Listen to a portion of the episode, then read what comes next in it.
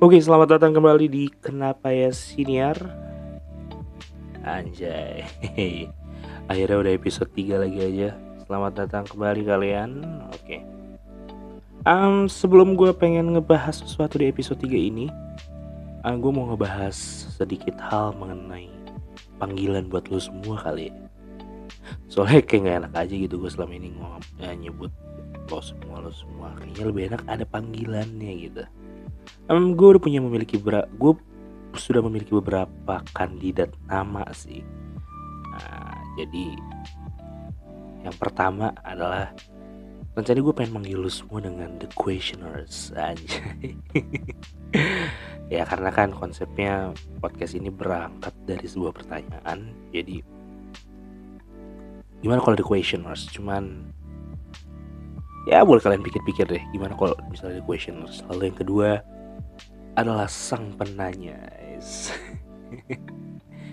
yang ketiga gimana kalau sobat tanya mungkin? Sobat tanya aduh. Dan yang terakhir yang terakhir gue kepikiran buat buat namain pendengar gue sebagai the Oscars atau Oscars aja gitu ya. Keren gitu kedengeran nah dari empat pilihan tadi menurut lu semua yang paling oke yang mana coba ya di vote ya. Satu dua tiga. Nggak peduli juga sih gue sama vote lu semua. Karena eh, gue menerapkan prinsip demokrasi ya. Gue orangnya demokrasi banget. Terutama gue tuh menganut sistem demokrasi Korea Utara ya. Sistem demokrasi Kim Jong Un namanya. Jadi uh, jadi apa namanya? Jadi gue akan menerapkan sistem tersebut di podcast ini. Oleh karena itu, berdasarkan hasil demokrasi Kim Jong Un terpilihlah nomor 4 atau Askers. Gimana nih? Askers semua. Anjay, Askers. Akhirnya punya nama juga. Gak apa-apa lah ya, lu semua gue panggil Askers. Well, alasannya kenapa?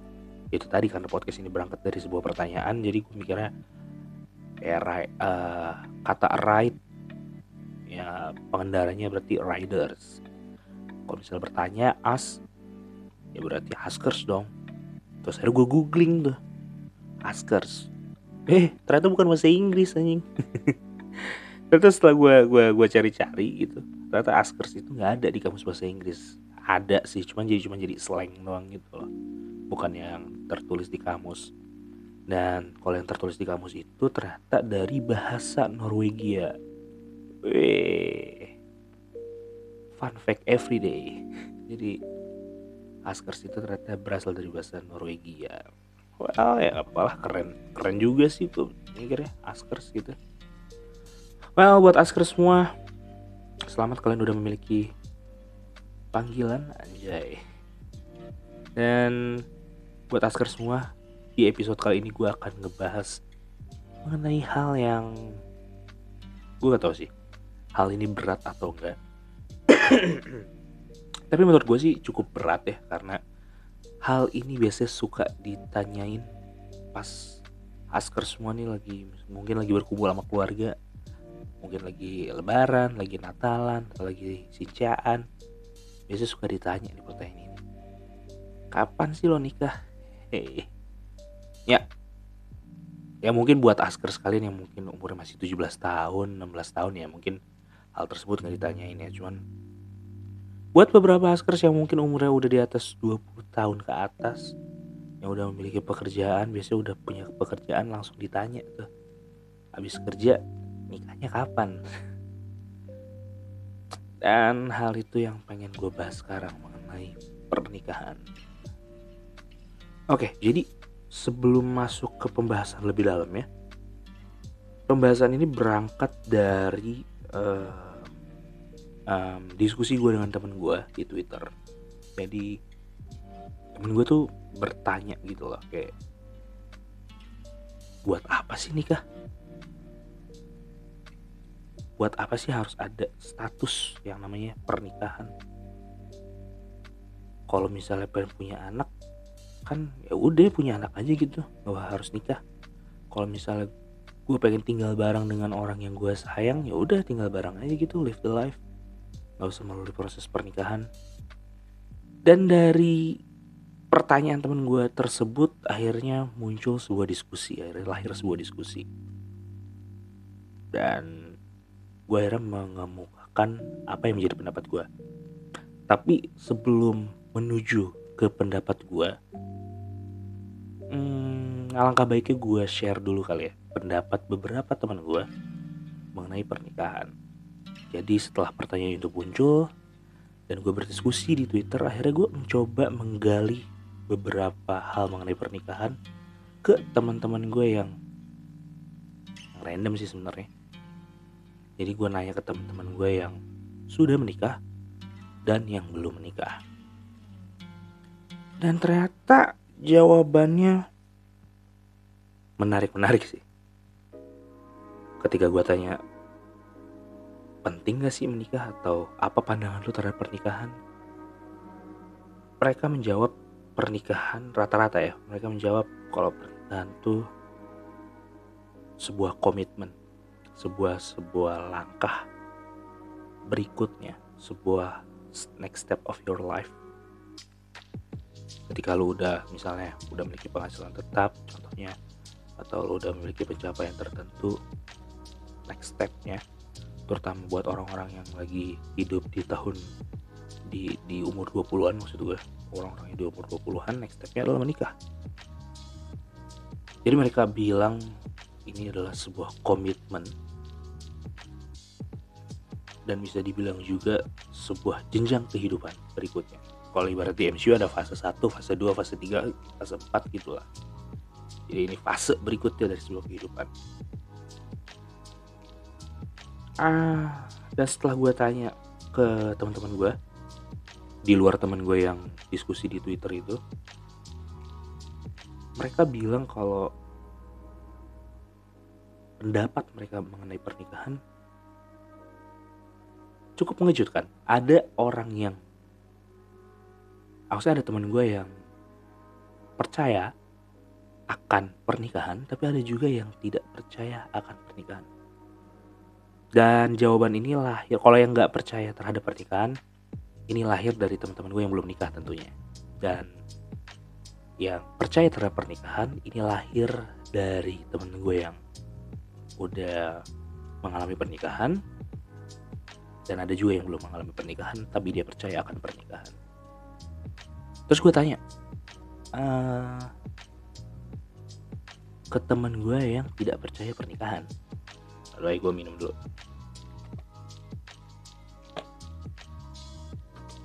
Gue tanya gitu kan ke teman gue yang tidak percaya pernikahan. Uh, kira-kira kenapa sih kok lu nggak percaya mengenai pernikahan di sini gue belum mengemukakan opini gue atau pendapat gue ya. Karena gue pengen dapat insight dari banyak orang dulu. Dan setelah gue tanya teman-teman gue yang masih belum percaya dengan pernikahan adalah karena mereka belum siap buat hidup 24 per 7 sama orang yang sama. Mereka uh, mikir kalau misalnya kalau gue hidup 24 per 7 dengan orang yang sama mereka mikir kalau mereka akan mengalami stres yang sangat berat gitu akan mengalami pressure yang sangat berat. Karena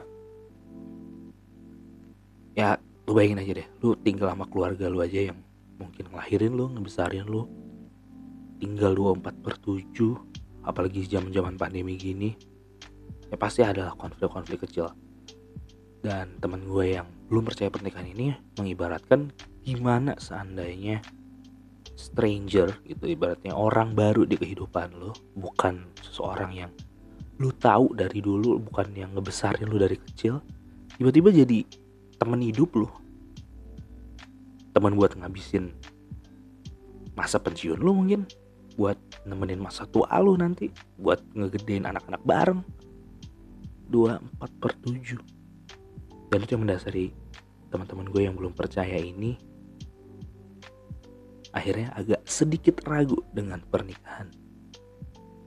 Bukannya ternyata setelah gue tanya-tanya mereka tuh belum bukan bukan bukan tidak percaya dengan pernikahan tapi kayaknya sih mereka belum siap terhadap pernikahan. Karena kalau gue lihat ketika lu nggak siap untuk menemani seseorang 24 per 7 yang salah tuh bukan di pernikahannya tapi yang menjadi masalah tuh di di orangnya. Karena ya mentalnya belum siap gitu aja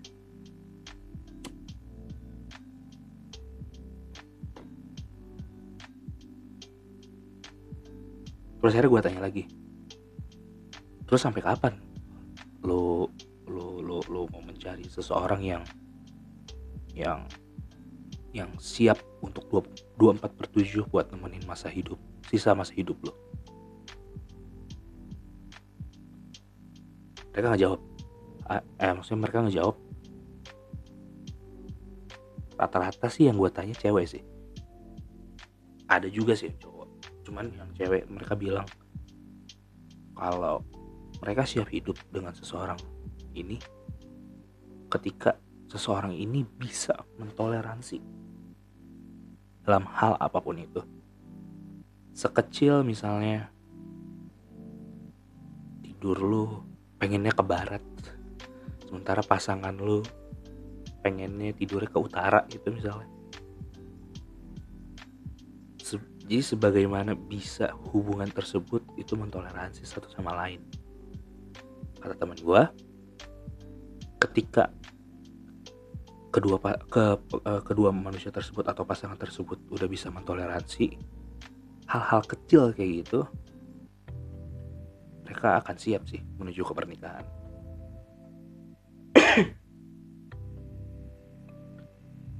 jadi intinya teman-teman yang belum yang belum menikah ini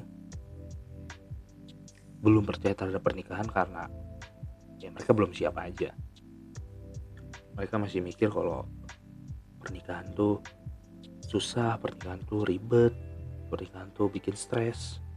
Tapi ketika gue balikin tanya lagi gitu akhirnya gue tanya lagi jadi intinya lu percaya gak sih sama pernikahan? Ya mereka ujung-ujungnya jawab ya percaya. Kalau dengan orang yang tepat dan uniknya mereka nggak jawab dengan orang yang terbaik. Karena mereka juga bilang nggak akan bisa nemu orang yang terbaik.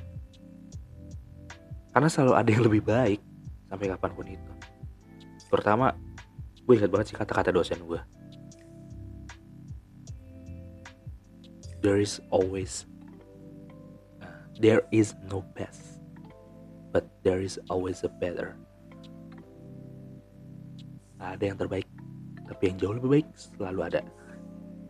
Dan rata-rata temen gue yang gue tanya akhirnya jawabnya kayak gitu. Kadar toleransinya tuh kayak gimana? Uh, maksudnya uh, lu tuh bakal tinggal tuh dengan orang yang seperti apa sih? Lu atau nikah dengan orang yang seperti apa sih? Ya mereka jawabnya selalu kayak gitu. Ya gue sih nggak mencari yang terbaik. Gue mencari orang yang tepat aja. Tepatnya kayak gimana? Yang kayak tadi yang mau toleransi meskipun terhadap hal-hal yang kecil. Ah terus gue tanya lagi nih ke teman-teman gue yang ya, side-nya itu langsung jawab gue percaya pernikahan. Kalau yang teman gue yang tadi kan dia awal jawab belum percaya pernikahan. Tapi setelah gue tanya-tanya lebih dalam lagi dan mereka menjabarkan alasannya ya keputusannya mereka sebenarnya percaya pernikahan cuman emang bukan saat ini aja dan belum menemukan orang yang tepat aja gitu ada beberapa juga temen gue yang langsung jawab oke okay, gue percaya pernikahan dan ketika gue menjalani hubungan ya gue mau nikah gitu. jawaban ini datang dari dua dua dua dua tipe teman gue jadi ada yang sudah menikah dan yang belum menikah. Kita bahas yang uh, sudah menikah dulu aja kali kalau dari temen gue yang udah menikah kenapa pada akhirnya dia percaya pernikahan adalah uh, dia lebih ngebahas mengenai dari sisi agamanya sih. Jadi dan dan menurut gue juga masuk akal juga sih. Uh, kalau mau dibahas dari sisi agamanya. Cuman di sini gue lebih pengen general aja sih. Jadi kalau menurut dia kenapa dia percaya mengenai pernikahan? Karena rezeki yang datang itu nggak cuma dari satu keran doang tapi bisa jadi dari banyak keran ketika lo menikah. Itu kata teman gue dan teman gue juga bilang ya itu udah terbukti di dia gitu. Dan temen gue juga bilang kalau lu tuh lebih bisa bertanggung jawab ketika lu tuh terikat hubungan lu atas dasar pernikahan. Beda halnya dengan opini temen gue yang gue sebut di Twitter tadi. Kalau mau punya anak atau mau tinggal bareng gak melalui proses pernikahan dan temen gue yang sudah menikah ini tentu uh, kurang setuju akan pernyataan hal tersebut. Dikarenakan itu tadi kalau misalnya terikat secara hukum agama at least ada keinginan atau kemauan dari diri lu sendiri untuk lebih bertanggung jawab. Karena terikat dengan adanya hukum itu. Ya ibaratnya sama kayak sama kayak lu pakai helm di jalan lah. Mungkin ada orang yang alasannya karena untuk keselamatan. Tapi ada juga ya ya karena ini hukum mengikat hukum sifatnya kan mengikat gitu. Jadi membuat orang lebih bertanggung jawab pada teman gue yang udah menikah ini. Dan surprisingly hal ini sejalan dengan pernyataan teman gue yang setuju akan pernikahan tapi dia belum menikah. Jadi dia bilang kayak gini dia akan selalu tetap percaya akan pernikahan dikarenakan ada tiga hal yang mengikat jadi kalau dari temen gue yang udah menikah tadi lebih bahas dari sisi agamanya temen gue yang satu ini dia tuh ngebahas dari tiga hal yang mengikat.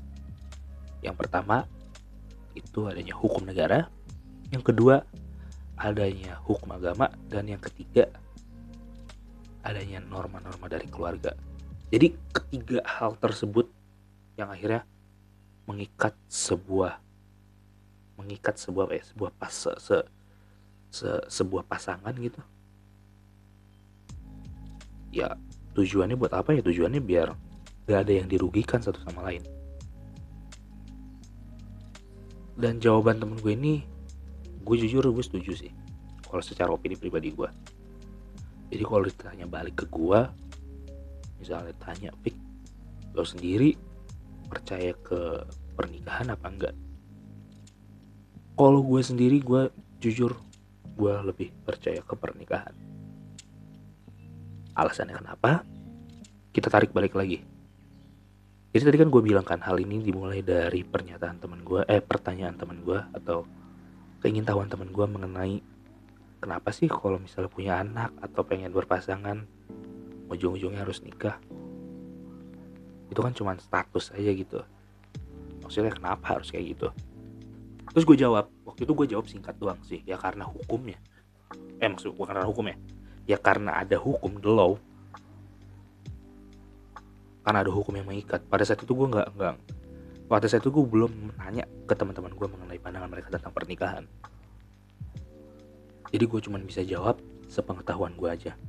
Termasuk di podcast ini gue pun akan beropini sesuai kapabilitas gue atau sesuai dengan apa yang gue tahu doang jadi kalau misalnya di podcast ini ada yang salah atau ada yang keliru ya lu bisa langsung aja koreksi di @kenapaya.siniar di Instagram. Barangkali gue ada salah ngomong di podcast ini. Ya, balik lagi ke permasalahan. Jadi intinya gue akan beropini sesuai dengan apa yang gue ketahui saat ini. Garis bawain ya, saat ini. Jadi pada saat itu gue cuma jawab seadanya aja sih ketika te teman gue di Twitter itu nanya gue cuma jawab ya karena hu karena karena ada hukum yang mengikat. Kenapa pernikahan itu penting? Karena gini loh misal lo punya anak kita bahas kasusnya di Indonesia ya. misal lo punya anak nih. Terus lo dan pasangan lo atau partner lo itu berkomitmen untuk udahlah nggak usah nikah. Kita live the life aja. Nggak usah dicat di catatan sipil. Udah nih lo lo lo tinggal bareng. Terus lo punya anak. Terus someday nih amit-amit ya amit-amit partner lu nggak bertanggung jawab. Caw aja gitu pergi. Anak udah jadi. Butuh makan butuh uang butuh sekolah sementara kalau lu nggak terikat dengan pernikahan gue nggak tahu sih. Mungkin teman-teman yang belajar hukum bisa langsung DM di at kenapa ya hukumnya kayak gimana. Cuman ini setahu gue sotoy-sotoynya gue ini mah. Setahu gue akan lebih mudah ketika misalnya nih anak lu mau nuntut ke pengadilan ke bokapnya atau ke ex kalau atau, atau ya kita anggap aja di sini kasusnya cewek lah ya. Dia pengen nuntut ke bokapnya buat nafkahin dia nyokolahin dia. Menurut gue itu akan lebih mudah ketika semuanya itu legal. Maksudnya semua itu tercatat di catatan sipil atau yang tercatat di hukum negara atau nikah resmi lah istilahnya. Atau mungkin juga contohnya misalnya um, lu disakitin sama partner lu lu dipukul diapain lah intinya. Disiksa lah. Kalau misalnya lu nggak nikah atau tercatat di hukum yang gue bayangkan adalah hukum yang ditaruh buat lo tuh bukan bukan hukum yang khusus gitu loh. Sementara yang gue tahu ketika ada kedua pasangan yang sudah tercatat resmi di pernikahan itu akan dikenakan hukum KDRT kalau misalnya seandainya kekerasan itu terjadi di rumah tangga sementara kalau yang gak secara legal tercatat kayaknya kayaknya nggak nggak tercatat di hukum yang KDRT itu ya kayak KDRT itu deh ini soto-sotonya gue sih. Dan itu menurut gue akan merugikan lo sendiri. Lo akan ribet. Terus misal gini deh. Ya udah bisa aja dibuat surat perjanjian. Kalau anak kita lahir lu harus nafkahin kalau misalnya kita pisah harta kita harus dibagi. Kalau misalnya lu nyiksa gua lu harus bertanggung jawab ini ini ini ini ini. Menurut gue sih nggak efisien ya maksudnya udah ada produk jadinya nih. Hukum negara kita udah ada produk jadinya. Lu tinggal make aja cara makainya ya lu dengan nikah resmi di di di, di negara secara kenegaraan. Tanpa lu harus buat surat kuasa sendiri surat warisan sendiri. Ah kayak gitu maksudnya. Ngeribetin lu sendiri gitu. Kalau seandainya lu nggak memilih jalur pernikahan. Jadi satu-satunya alasan yang kuat kenapa gue masih percaya pernikahan ya karena ada hukumnya. Sama kayak tadi yang teman-teman gue bilang. Kalau ada hukum yang mengikat.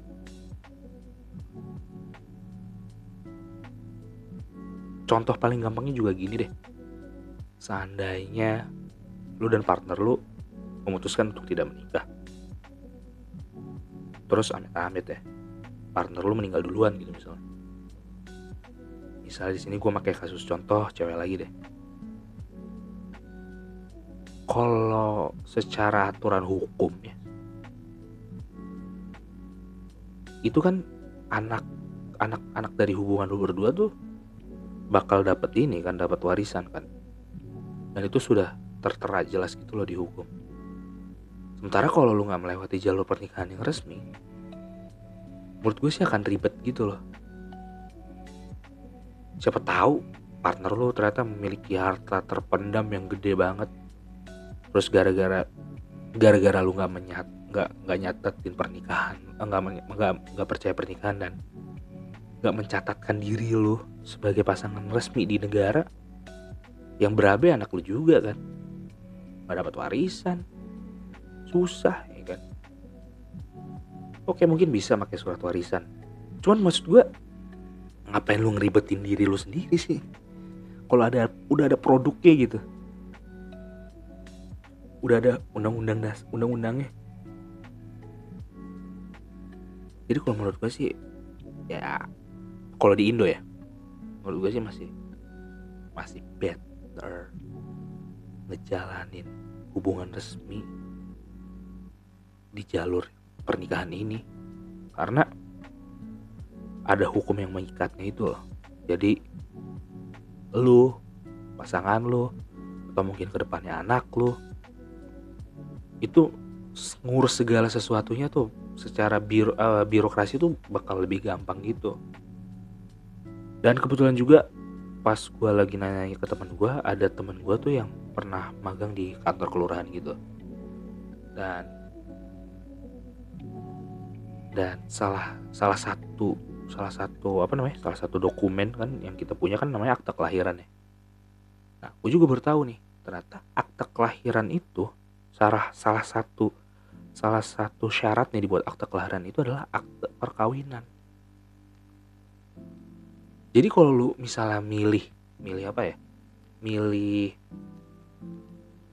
milih buat tidak tidak tidak melaksanakan pernikahan secara resmi dengan partner lo yang rugi tuh banyak gitu loh. Maksudnya anak-anak lo yang yang notabene nya notabene nya gak tahu asal usul asal usul kenapa lo dan partner lo gak nggak menjalankan pernikahan resmi kena kena kena imbasnya misalnya anak lo pengen daftar sekolah daftar sekolah kan biasanya diminta akte kelahiran tuh Nah, gimana caranya lu dapat akte kelahiran, Bos? Kalau seandainya eh kalau misalnya akte perkawinannya aja nggak ada. Oke, mungkin bisa melalui jalur hukum misalnya, melalui persidangan segala macam, ngajuin bla bla bla bla. Tapi kan itu malah ngeribetin diri lu gitu. Malah nyusahin diri lu. Malah ibaratnya kayak kerja dua kali. Lagi-lagi gua garis bawahin kenapa nggak pakai produk yang udah jadi aja. Lebih gampang lebih mudah. Kalau hitung-hitungan biaya costnya juga lebih rendah. Daripada lo harus mungkin bayar pengacara buat maju ke pengadilan. Nah gitu gitulah dan ya balik lagi. Kalau menurut gue sih opini gue ya opini gue gue sih masih masih masih percaya mengenai hubungan resmi secara kenegaraan atau pernikahan itu masih penting. Terus misalnya ada yang nanya lagi gini deh.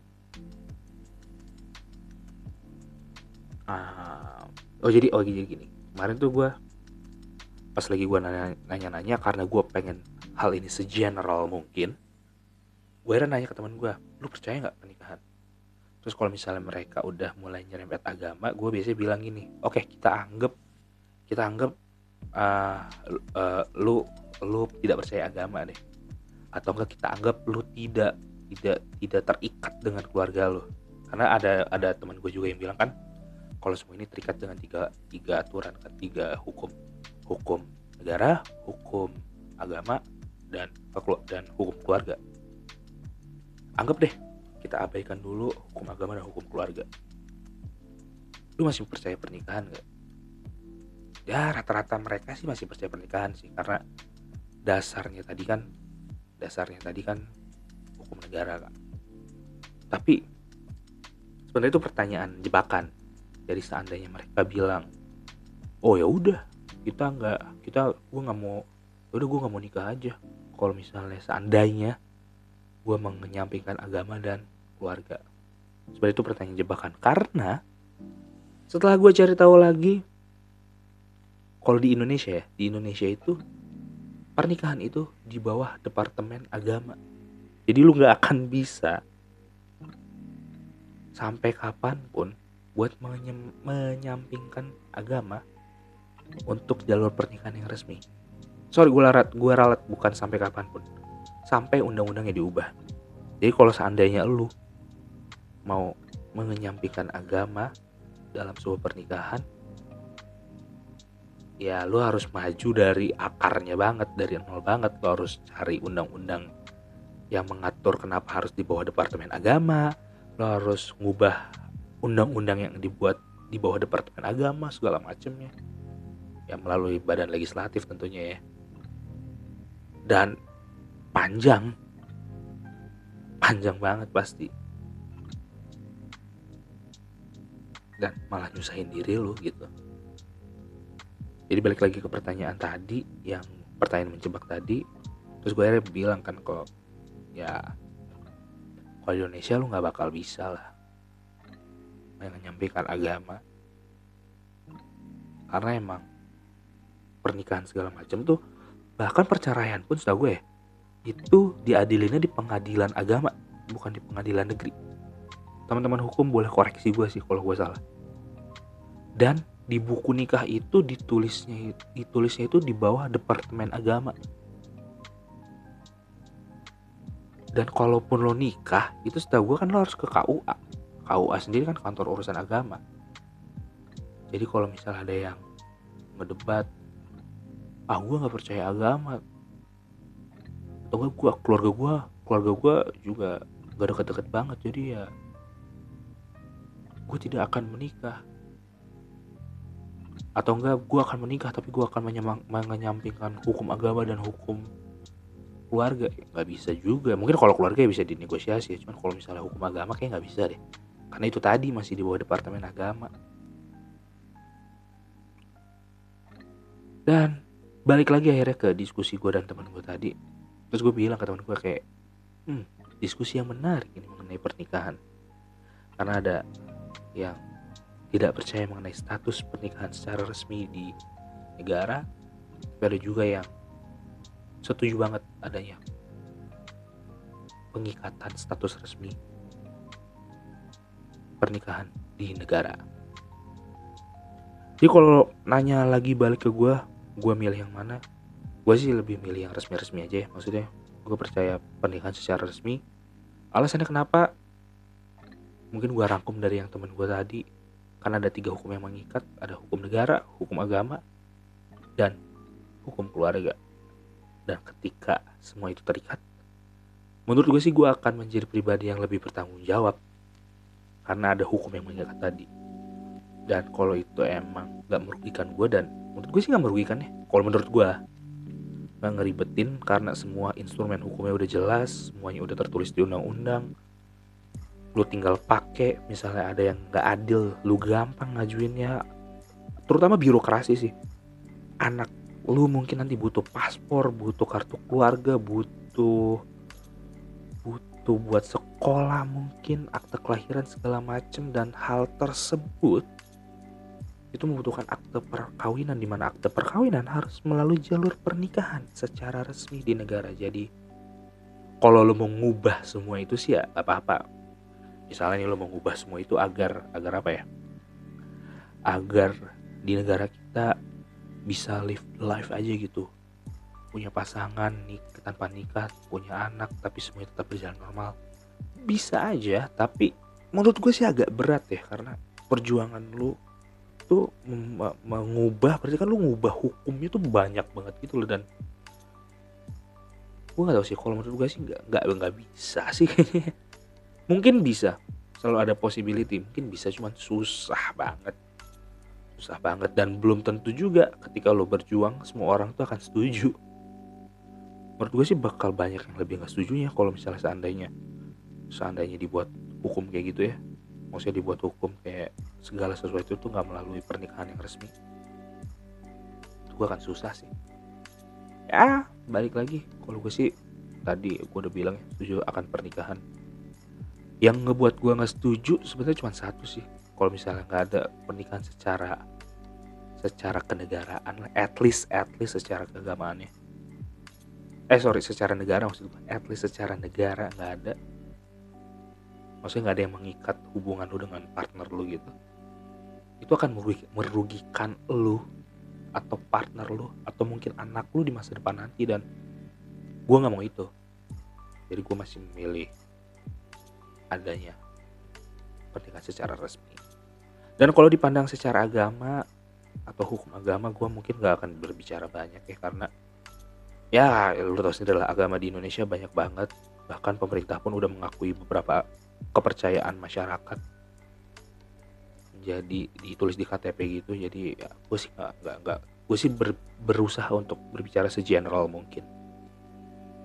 Ya mungkin karena pendengar podcast ini berlatar belakang agama yang berbeda gue nggak bisa bahas secara agamanya dan pendengar podcast ini juga ber berasal dari keluarga yang berbeda-beda jadi gue nggak juga nggak bisa bahas kultur keluarga dalam sebuah pernikahan yang gue bisa bahas adalah secara hukum negara dan kalau misalnya secara hukum negara memang menguntungkan pernikahan itu ya kenapa enggak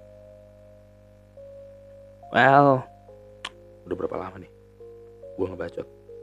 Buset 35 menit. Ya, aduh. Lama juga ya. Yaudah, paling mungkin segitu aja ya. Ditunggu bahasan-bahasan berikutnya di Kenapa Ya Siniar. Well, Kenapa Ya Siniar episode 3 by Vicky Rizky. Peace and out and bye.